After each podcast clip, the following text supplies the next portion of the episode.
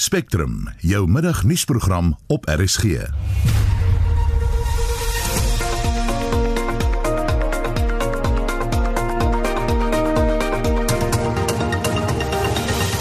Goeiemiddag in vandag se program.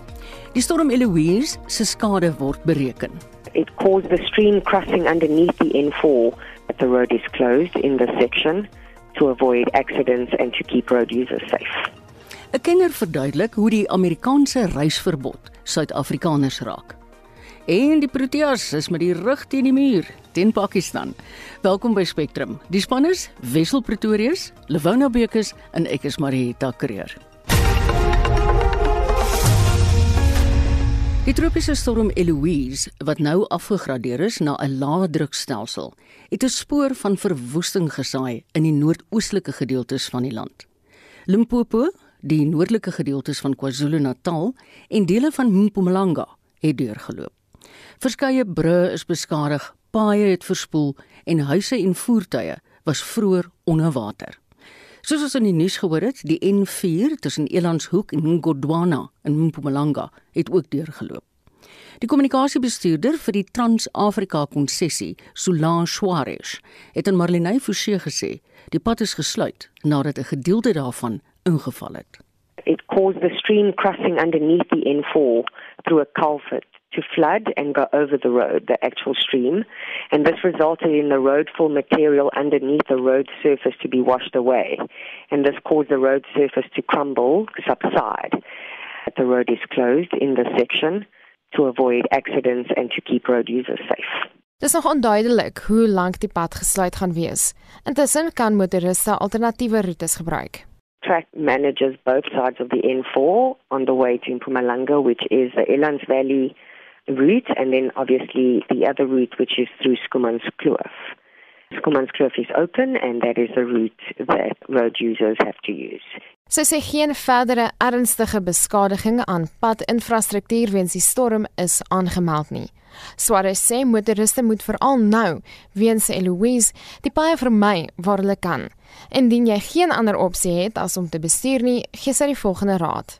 Drive defensively and cautiously, obey uh, speed restrictions, or even drive a little bit slower. Roads are extremely wet, visibility is extremely challenging, and therefore apply every possible road safety caution under the sun. If they see any problems on the N4 toll route between Pretoria and Mozambique, uh, they can always contact Track directly, our help desk. We're available 24 hours a day, seven days a week. That number is 0800 87 22 64. It's toll free. 0800 87 22 64. Dit was die kommunikasiebestuurder vir die Trans-Afrika konsessie op die N4, Solange Suarez. Die woordvoerder van die nasionale kreer Wildtuin, Ike Pasla, waarskyn tussen inwoners van woongebiede naby die Wildtuin om versigtig te wees vir krokodille. Die Wildtuin se riviervlakke het drasties gestyg weens swaar reën en krokodille soek nou droë grond. Marlene Forsie, SAK nuus. En Eloise Blymer, 'n groot storie. Ons verslaggewer in Limpopo, Jabulani Baloyi, lê vandag besoek af by gesinne wat erge skade gely het weens die swaar reën in Malomolele. Hy sluit nou by ons aan. Good afternoon, Jabulani. Afternoon. Which areas did you visit today? We're at Makasa village in the Collins Chavani municipality where some of the residents have also been affected by the heavy rains which have been brought by the tropical storm Eloise. We have seen uh, mud, several mud huts which have collapsed. Mm. The grass side roofs as well have also uh, kept in. Some have also collapsed completely, leaving some of the rural dwellers without roofs over their heads. And you remember, these are the indigenous people, they are unemployed. Most of them, they rely on mm. social grants. So what you're saying is the situation is bad?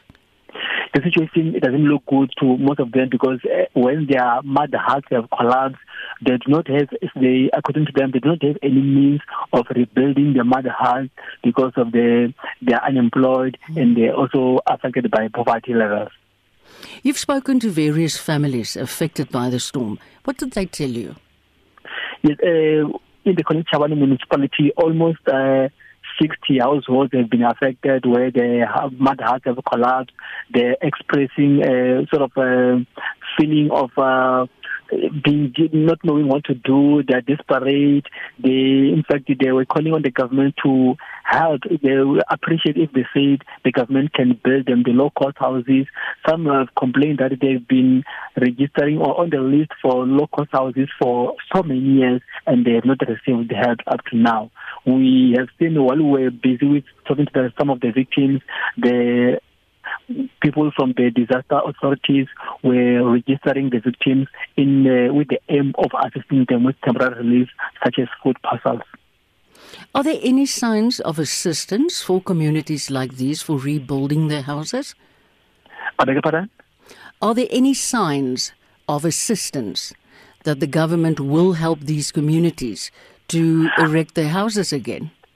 Up to now, there's no sign of that. You remember, because uh, what happens is that in cases like this, we have seen in the past incidents, people will be provided with a tent or with tents which will be given to them for about a week or 2 mm-hmm. and then later the government will come and uh, dismantle or take back the tent without any form of houses or any form of relief being given to the victims. So what you're saying is it is a tent for housing purposes and then food parcels. Yes, the, the, the, the, what happens in these cases uh, from the previous experiences and what we've seen happening, they'll be given food parcels and a tent which will be erected at their household for a week or 2 mm-hmm. and thereafter it's removed and it's over. There's no sort of any help that the people are, uh, are receiving. Doesn't sound very promising, Jabulani. Yeah, the people are uh, uh, they're desperate, they're living mm. in a difficult situation, and with the levels of poverty that they're, they're experiencing, most people are un- unemployed, and to build a mud house and to acquire grass for a thatched roof is also a challenge as well for most of them. Thank you very much, Jabulani Baloy. Jabulani is ons verslaggewer in Limpopo.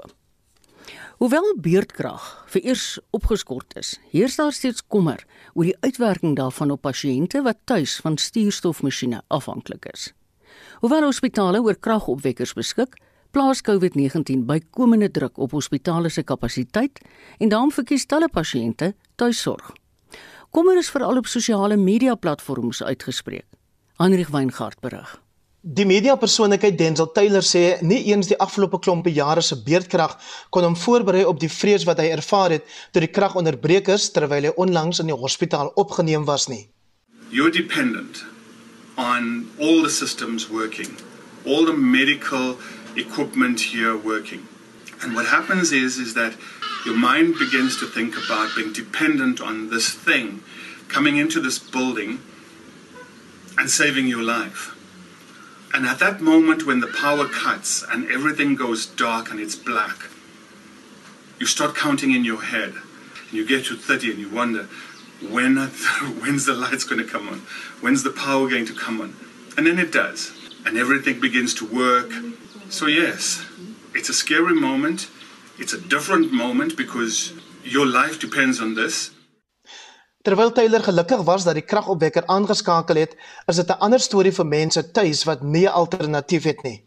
Professor Guy Richards, 'n spesialis op die gebied van longkwale en die gebruik van ventilators, sê mense met lae suurstofvlakke, veral COVID-pasiënte, moet heeltyd aan hul suurstofmasjiene gekoppel wees. COVID-19 has the potential to cause low oxygen levels in the blood, and that is known as hypoxemia. This occurs when patients develop the pneumonia like manifestations of this disease. The important point here is that if you do develop this hypoxemia, you will require oxygen. And this is supplied most often by means of an oxygen concentrator, which requires electricity to function in an appropriate manner. Hy sê dit is moontlik om suurstof by wyse van 'n silinder toe te dien, maar die word gou leeg. If you are, in fact, using a concentrator which requires electricity and the power goes off, your supply of oxygen then would stop. And that, if the patient's oxygen levels then decline a significant amount, it is a possibility that this could have a significant impact on outcome, even to the extent of the patient dying. Die gesondheidsekonoom professor Alex van den Heever sê dit is noodsaaklik dat diegene wat tuis behandel word elke oomblik van die dag toegang het tot kragtoevoer. Uh, there are numerous solutions to that and they vary in cost, but one would to avoid having power cut off for various reasons and it can be something to do with uh, you know people stealing copper wire to a sort of a generalized a localized outage to load shedding. Any one of those could impact on a household. And so you do need to have some uh, some backup arrangement in place where you're relying on something particularly for life. Naas die probleem met koperdiefstal word Eskom se vermoë om krag te voorsien ook aan bande gelê deur tegniese probleme by kragstasies en die wanbetaling van sekere inwoners. Hierdie verslag deur Paul Magobane. Hendrik Weingart vir SAK nuus. Kom ons kyk 'n bietjie na die cricket. Die Proteas wat sy eerste toetswedstryd in 14 jaar in Pakistan speel, is met die rug teen die muur op dag 1 van die eerste toets in Karachi. Die Suid-Afrikaners het die lood gewen en goed beginne, maar is almal uit vir 220. Pakistan kolf nou en op die oomblik staan die telling op 5 vir die verlies van geen paaltjies. Die verhoor van die beleerde pastoor Timothy Omotoso en sy twee medebeskuldigdes in die Hooggeregshof in Port Elizabeth duur voort. Omotoso en sy medebeskuldigdes staan tereg op 90 aanklagte wat verkrachting, seksuele aanranding, rampokkery en mensenhandel insluit. Ons praat nou met ons verslaggewer by die hof, Veronica Fourie. Goeiemôre Veronica. Goeiemôre Marieta. Ja, net die hoofvolste middag is dit wat ek en jy oor om 'n tosse praat. Is die ja, nee, staat nee, besig? Presies, presies. Is die staat besig met sy saak op die oomblik? Die staat het nou vanoggend ehm um, met regter Irma Skooman beraadslaag oor daar was vroeër nou ehm um, ontevredenheid by die prokureur van Omatoso wat gesê het hy is ontevrede oor sekere veranderings wat op die klagstaat aangebring is. Hy sê dit toon nog steeds nie besonderhede van datums en spesifieke plekke waar insidente gebeur het nie. En toe het die staat gesê nee wat daar's heeltemal genoeg inligting. Hy kan sy saak so voorberei. En die regter het saamgestem waarmee Doberman toe natuurlik na baie ontevrede was. En uiteindelik het regters kom aan die hof verdaag vir 'n rukkie. En toe het sy gesê nee wat ehm um, die saak kan aangaan soos hy heeltemal tevrede met die inligting soos dit is in die in die klagstaat. En ehm um, as hy voel dat daar onder jy weet dat dit onregverdig is, dan kan hulle dit op die einde van die saak aanspreek. Is daar nou al hoeveel getuies geroep? Kyk, die saak het nou ons eintlik vir die tweede keer begin met 'n ja. nuwe regter en daar was nog net een getuie geroep. Dit is Lerato Msibi. Nou sy het nou vroeër getuig oor uh jy weet hoe sy in 2012 by die Kerk die Jesus Dominion International Church aangesluit het want sy het gehoor hy is 'n man van wonderwerke en sy was siek op daai stadium en sy het gehoop hy kan haar help.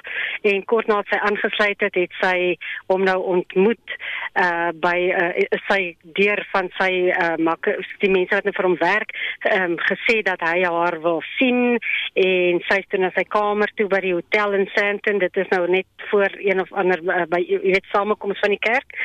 En ehm um, toe het hy haar gesê gevra wat verwag sy van hom en dit het gesê sy wil ook soos die ander mense van die kerk hy met haar pa wees want hy is 'n groot vaderfiguur vir baie soos wat ons nou gehoor het.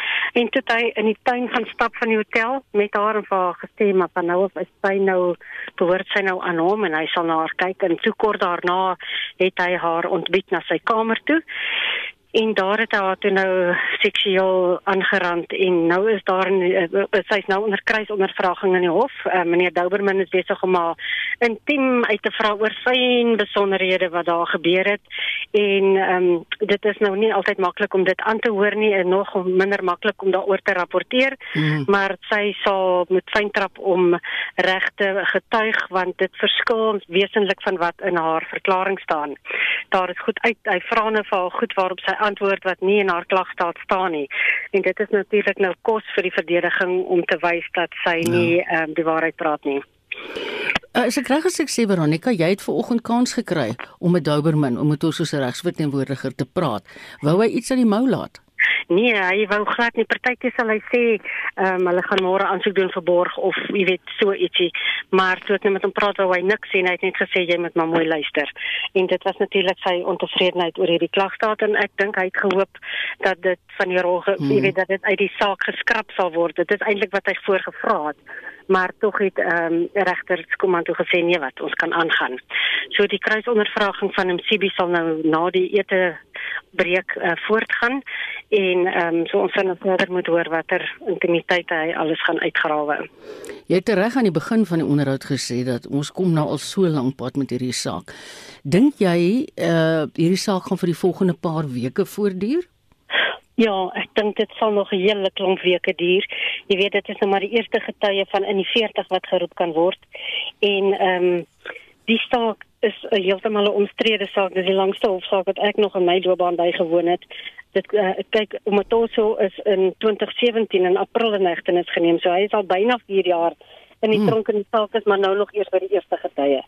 So ek weet nie of daar dalk een of ander tyd dalk 'n reëling sal kom dat die ding moet verhaas word of een of ja. ander waar hy te hoed geruk gaan word nie maar ehm um, dit is ontstellend eintlik om te besef hoe lank so 'n slaak saak kan sloer met uitstelle en goed daar was nou buitengewone omstandighede van die byvoorbeeld die ehm um, advokaat vir die staat wat on, wat gesterf het as gevolg van COVID dit toe toe die saak nou 'n bietjie uitgestel hmm. gevolg daarvan en uh, daar was uh, twee ander kere wat die hof ook moes verdaag het as gevolg van COVID voorvalle maar ehm um, andersins was daar so baie en onnodige ja volgens my is verslaggewer nou onnodige uitstelle gewees dat 'n mens um, mm. raak op daarvoor mens wil nie meer eintlik jy weet 'n mens raak mm. alweer om dit so jy weet so 'n uh, mens wil weer nog graag hierdie ding met na kant toe kom.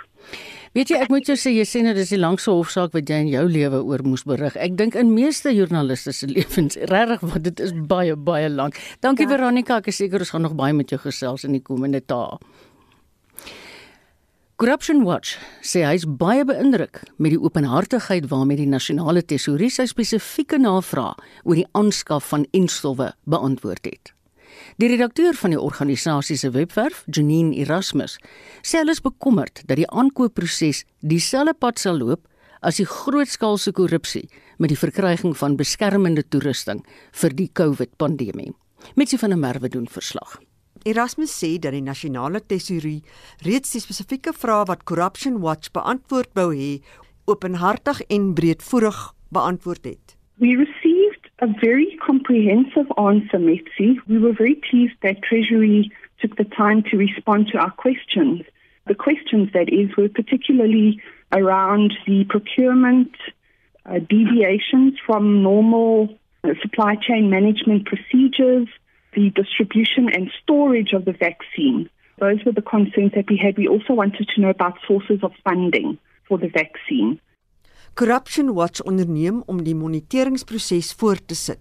Die organisasie is bekommerd omdat terwyl die land in 'n krisis is en mense besig is om te sterf, sommige individue goed geld gemaak het uit die verskaffing van beskermende toerusting vir die COVID-pandemie.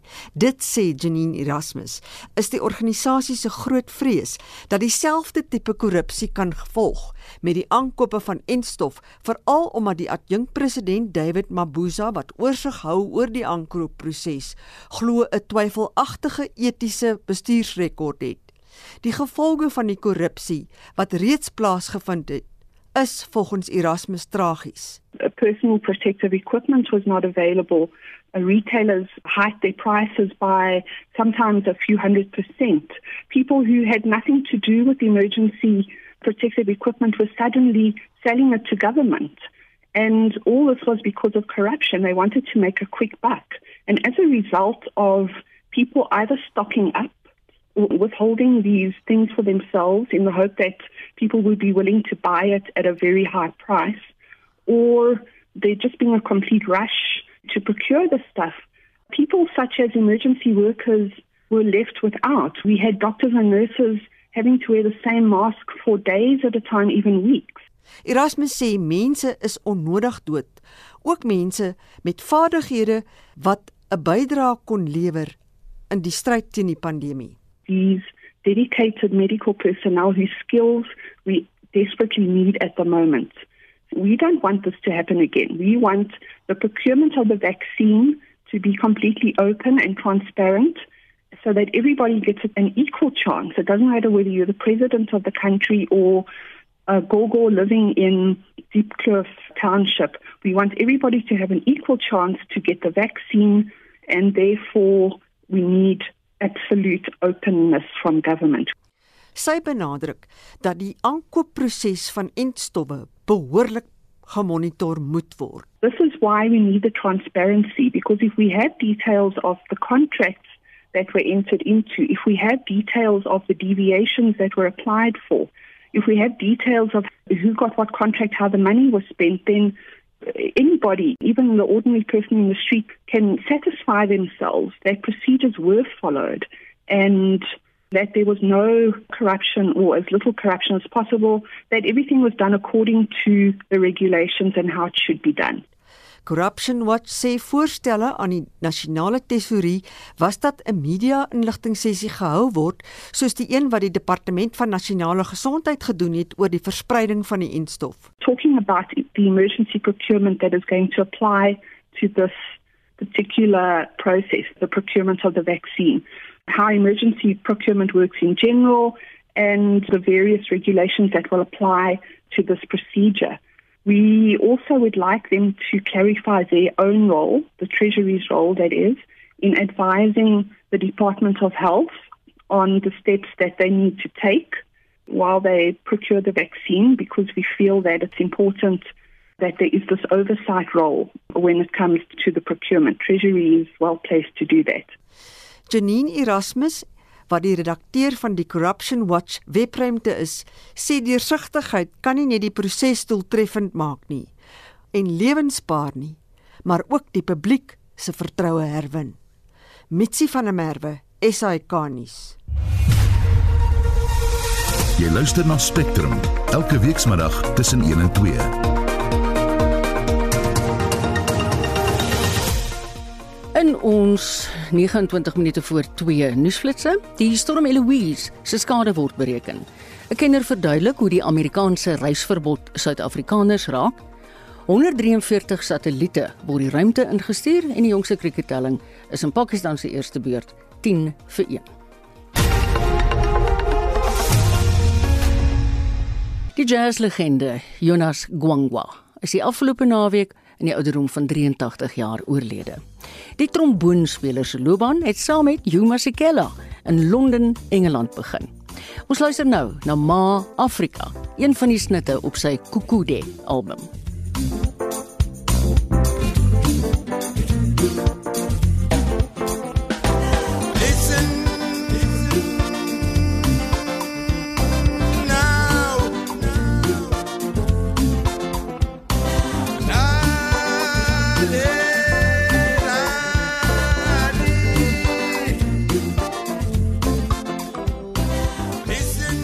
Dit was Ma Afrika van die jazzy queen Jonas Gwangwa se album Kukudi 22 minute voor 2.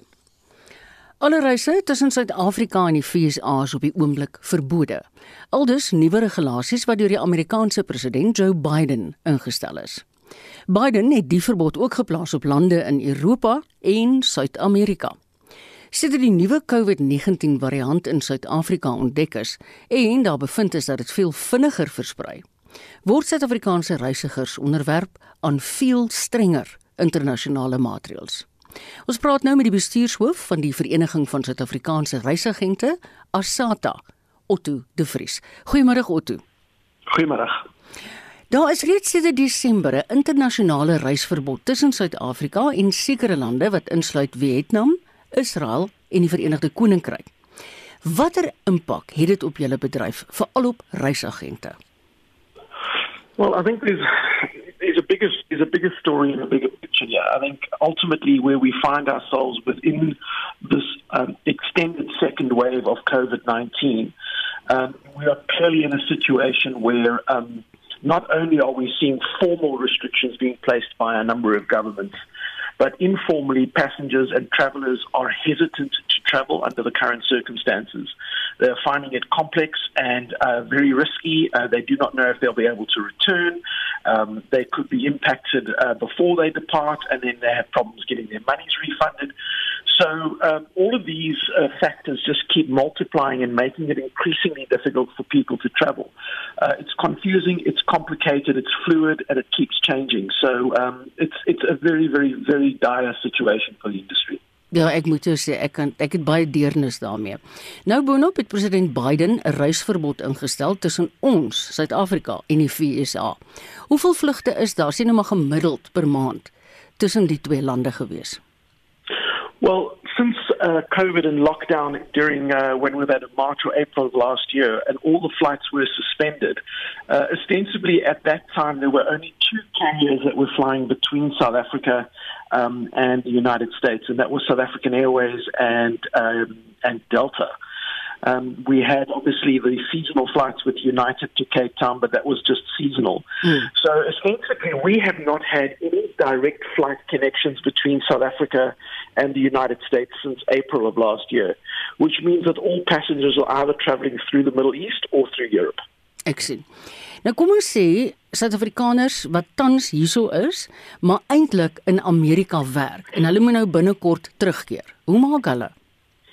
So my understanding is that if they have a uh, um, a permit or a visa to work uh, um, and live in the United States, that is viewed differently to uh, your normal visa travelers for leisure and business purposes. Um, they would, however, uh, my recommendation would be that they reach out to the American Embassy all consulate services here in South Africa mm. and just make sure that they are clear on exactly what is expected of them in order to be able to return back into the United States. Hierdie reisverbod, die nuwe ene van president Biden. Watter skade kan hy berokken vir alles wat mense nou sien in die lig dat reisagente en lugrederye nou enigsins eers weer hulle vlerke in die lug kan kry? Mm. Yeah, it's a reflection of the time that we live in, and unfortunately, what I'm not seeing is a clear understanding, first of all, of the fact that we collectively, as a people of the world, need to learn to start recognizing that we're going to have to live with COVID 19. Mm. Yes, there are vaccines on the way, and we're also aware that there are constantly new strains.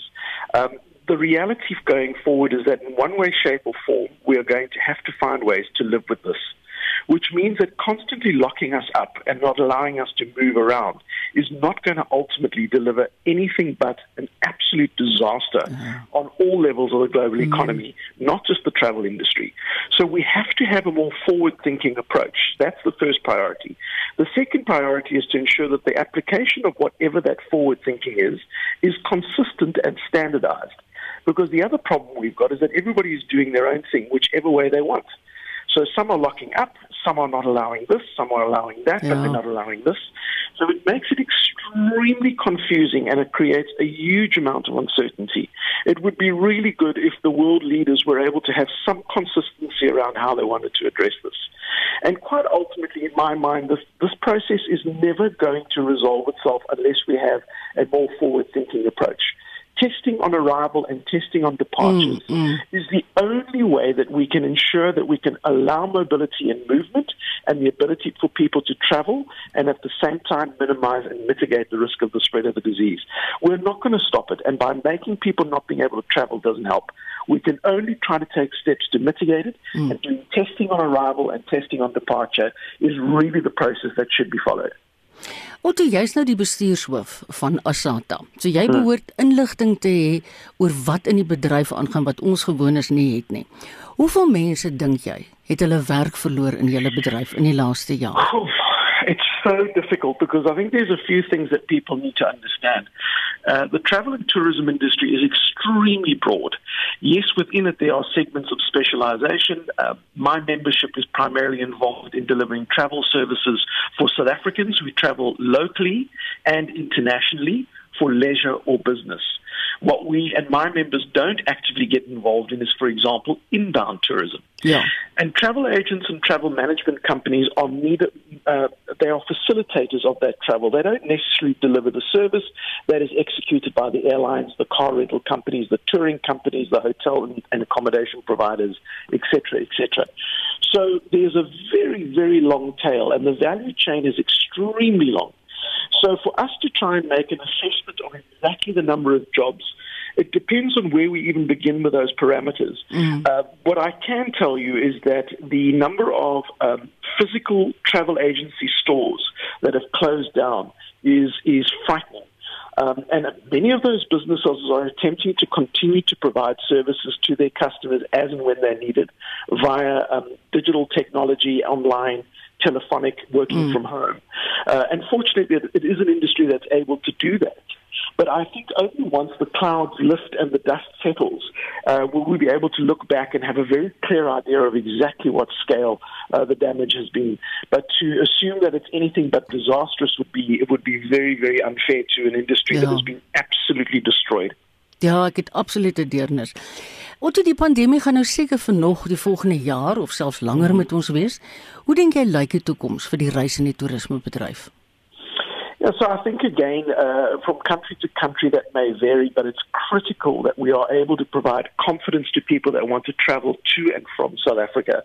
And right now, all confidence is being built on the rollout of the vaccines.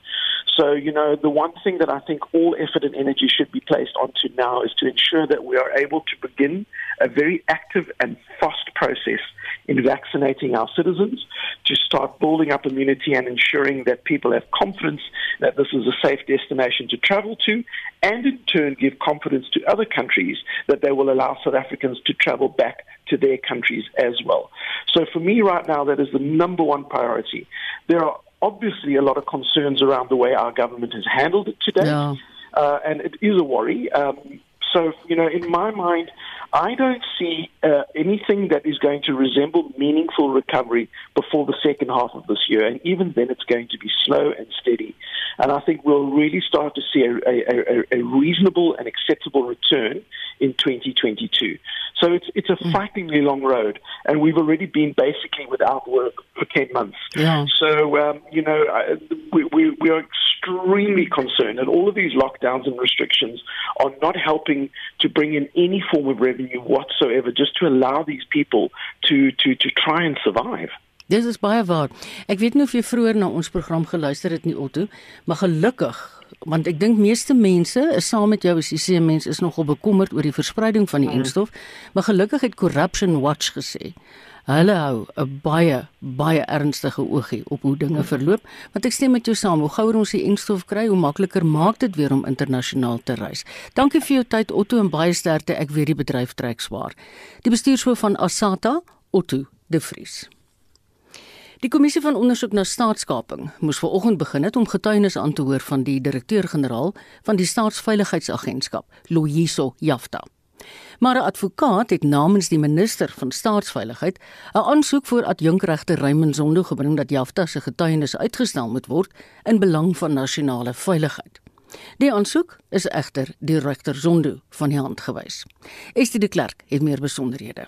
Advokaat Dumisa Mtsebeza het namens die minister van Staatsveiligheid, Ayanda Dlodlo, gesê die minister wil nie die werksverrigtinge van die kommissie benadeel nie, maar sy is nie seker of Jafta se getuienis nasionale veiligheid in gedrang sal plaas nie. The minister is quite conscious of the fact that any power and duty that she may have in order to protect national interests cannot and should not extend to her protecting the unearthing of criminal activity. If anything, because of the position she holds in the executive, she wants to assist this commission in doing so. As we were consulting yesterday, she advised us that she would need to consider whatever it is that her own director general is going to be testifying about. Hy het ook gesê dit was noodsaaklik dat daar met die minister gekonsulteer moes word oor waaroor Jafta sou getuig. Adjunkregter Zondo het voordat die kommissie vir 'n wyle verdaag het, geen doekies omgedraai oor hoe kosbaar elke uur van die kommissie se tyd is nie. As you say you make this request for an adjournment from a very disadvantaged position because all you are able to say is that the minister says uh, she has certain concerns that relate to national security. but you don't have any details. Uh, she received the affidavit uh, around 8 o'clock last night. One would have thought that uh, that was enough time uh, for her to read it and to be able to say to you, at least here are the concerns. They relate to the following paragraphs in Mr. Jafta's affidavit. And these are the concerns which would uh, put you in a good position, at least, and, and me to assess whether uh, any claim that what Mr. Jafta may be saying in his affidavit might compromise national security, whether there is a proper basis. Um, I've read Mr. Jafta's affidavit, and I'm not the Minister of State Security. Uh, from my own of point of view, I didn't pick up anything that struck me as something that could possibly adversely affect state security, no national security. As things present stand, the Commission has serious time constraints. Mm. It's got to finish its work by end of March. That's not a date we, we, we are choosing. It's an order of court. Nadat betoë ook aangehoor is van Jafta se regsverteenwoordiger en die kommissie se getuienisleier, het regter Zondo die aansoek van die hand gewys. Jafta het kort voor middagete begin getuig. Ek is Estie de Klerk vir SAK nuus. Voordat ons by Shaun Jooste en sy sporthoogtepunte van die dag begin, in geval jy nie vroeër geluister het nie en jy stel belang in cricket, die Proteas het ver oggend die lood gewen in Karachi in Pakistan in die eerste toets. Hulle het heeltemal goed begin, maar stoot uiteindelik almal uit vir 220. Pakistan is op die oomblik aan die kolf en die jongste telling is 18 vir 2. En nou, Shaun Jooste. Ons val weg met cricketnuus. Die eerste toets van die reeks tussen Pakistan en Suid-Afrika het vanoggend in Karachi begin. Die Proteas het die lood gewen en gekies om eerste te kolf. Suid-Afrika is vir 220 lopies in hulle eerste beurt uitgeboonder met Dean Elgar wat 58 aangeteken het. Daar is geen ou luisteraars op hoogte van gebeure. Die derde en laaste wedstryd van die eendagreeks tussen Afghanistan en Ierland is ook aan die gang. Afghanistan het eerste gekolf en 266 vir 9 op die tellbord in hulle 50 balbeurte geplaas. En die derde en laaste wedstryd van die eendagreeks tussen Suid-Afrika en Pakistan se vrouespanne word in Durban gespeel. Suid-Afrika het eerste gekolf en is vir 201 lopies uitgeboonder. Ons sluit af met 'n paar sokkerwedstryde wat vandag voorlê. In die DStv Premier Liga kom Kaizer Chiefs vanmiddag teen Baroka FC en Orlando Pirates teen TS Galaxy te staan. Beide wedstryde begin 5uur. Vanaand in die Engelse Premier Liga speel Crystal Palace teen West Ham United en Newcastle United teen Leeds United. Dit is 8 uur en West Brom teen Manchester City en Southampton teen Arsenal. Dit is kwart oor 10. En in die Afrika Nasies Kampioenskappe draf Marokko teen Uganda en Togo teen Rwanda op die veldheid. Beide wedstryde skop vanaand 9 uur af. En dit was Shaun Jooste. Nou vir buitelandse nuus, Belarus se oppositieleier Svetlana Tikhonovskaya het die Europese organisasie vir veiligheid en samewerking gevra om haar te help om veilig na haar land terug te keer. Intussen die organiseerders van die internasionale ijshokkeykampioenskap aangekondig dat hulle nie meer die gesogte kompetisie vanjaar in Belarus gaan hou nie. Die besluit is weens die menseregte vergrype wat in die land gepleeg word. Anne Marie Jansen van Vuren. Ales Patruso is 'n politieke vlugteling uit Belarus en beywer homself tans as 'n aktivis in Brittanje. Hy behoort aan 'n organisasie wat al sedert die laat 40er jare vir demokrasie in Belarus veg. One of the oldest one, the Association of Belarusians in Great Britain, which been running since 1948. A lot of Belarusians came after Second World War. Patruso sê vir die Belarusse in die buiteland voel dit soms of al hul pleidooie op dowe ore val en of Lukasjenko se 30-jarige bewind nooit gaan eindig nie. Maar dan kom nuus soos die dat die groot ijshokkie toernooi nie meer in die land gaan plaasvind nie en dan skep hulle hoop. Patruso sê die feit dat so 'n gewilde sportgeleentheid nie meer in Belarus gehou sal word nie, behoort 'n eislike verleentheid vir Lukasjenko te wees. Dit sal hom ook ongewild maak onder sy politieke ondersteuners en skenkers wat finansiëel baie uit so 'n gebeurtenis sou baat. Any sanctions, well, about him, about his cronies, what we called his wallets uh, or treasure wallets, they would be effective. It did work last time. But also sanctions for Russian interference would be major deterrents, both for Russia and it also send strong message to Belarusian police. And they will just give up on Lukashenko. The moment that uh, the police stop protecting Lukashenko, he'll gone. Patruso sê Belarus se polisie voer tans 'n skrikbewind met veral joernaliste wat geteken word. 'n Bekende verslaggewer en redakteur by die nuusagentskap Free Press Unlimited, Andrei Alexandrov, het verlede week spoorloos verdwyn. Sy familie het hom 2 dae later by 'n polisiekantoor in Minsk gekry, waar die owerhede hom aangehou het op aanklagte dat hy protesbewegings aanhits. Alexandrov het onlangs berig oor 'n vergadering tussen die Russiese president Vladimir Putin en Lukasjenko wat nie in se guns verloop het nie. During the meeting, Putin actually didn't offer much. He offered to refinance the debt to Russia, which Lukashenko had to pay this year. Belarus disputed about 320 millions of US dollars in terms of price for gas, uh, Russian gas. And Belarus had good chances to win this dispute. Lukashenko just gave up. So he acknowledged this this debt.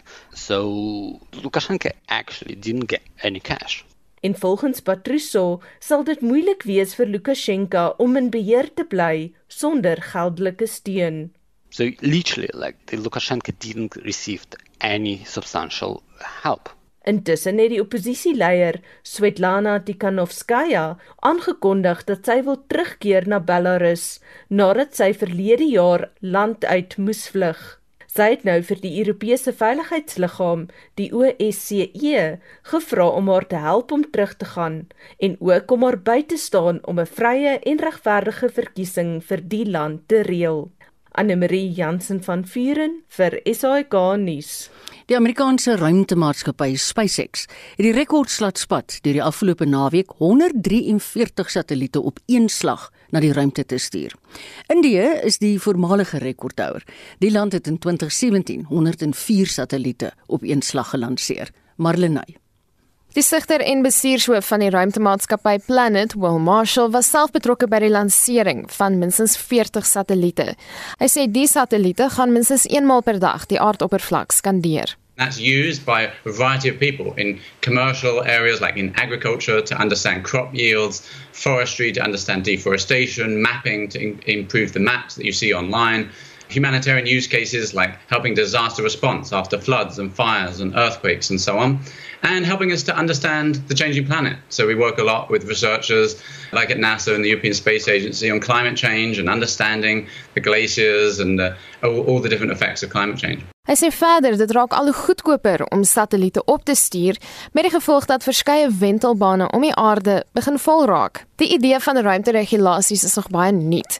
Hoewel die verbetering daarvan toenemend belangrik is, sê Marshall maatskappye met satelliete in die ruimte het 'n goue middeweg gevind. Space is a bit of the Wild West when it comes to law. It's very early. Right now, it's working quite well in most areas, uh, but I do think we could uh, do with a little bit more to prevent the, the worst aspects of behavior that can uh, cause collision or cascade, this Kessler syndrome that I mentioned. Um, but right now, all these satellites are being put really low, so they don't contribute to the problem. The main problem was historical. During the Cold War and occasionally since, countries have put up lots of satellites much higher, where they take many, like 50 or 150 years to decay. And in those orbits, they're more problematic. So we've learned now as an industry mm. to keep them very low and to keep by keeping them low, we they get out the way and don't cause a long-term problem. Dit was Will Marshall, die stigter en bestuurshoof van die ruimtemaatskappy Planet. Hierdie bydrae is saamgestel met klank van die BBC. Marlene Forsie, SAK nuus. Ek sê totsiens namens Wessel Pretorius, Lewona Bekes, al ons medewerkers van vanmiddag. Dankie dat jy na Spectrum geluister het. Onthou, ons gaan nie RSG afskakel nie, ons skakel net oor na ons Kaapstad ateljee om 2uur. Geniet die middag saam met ons.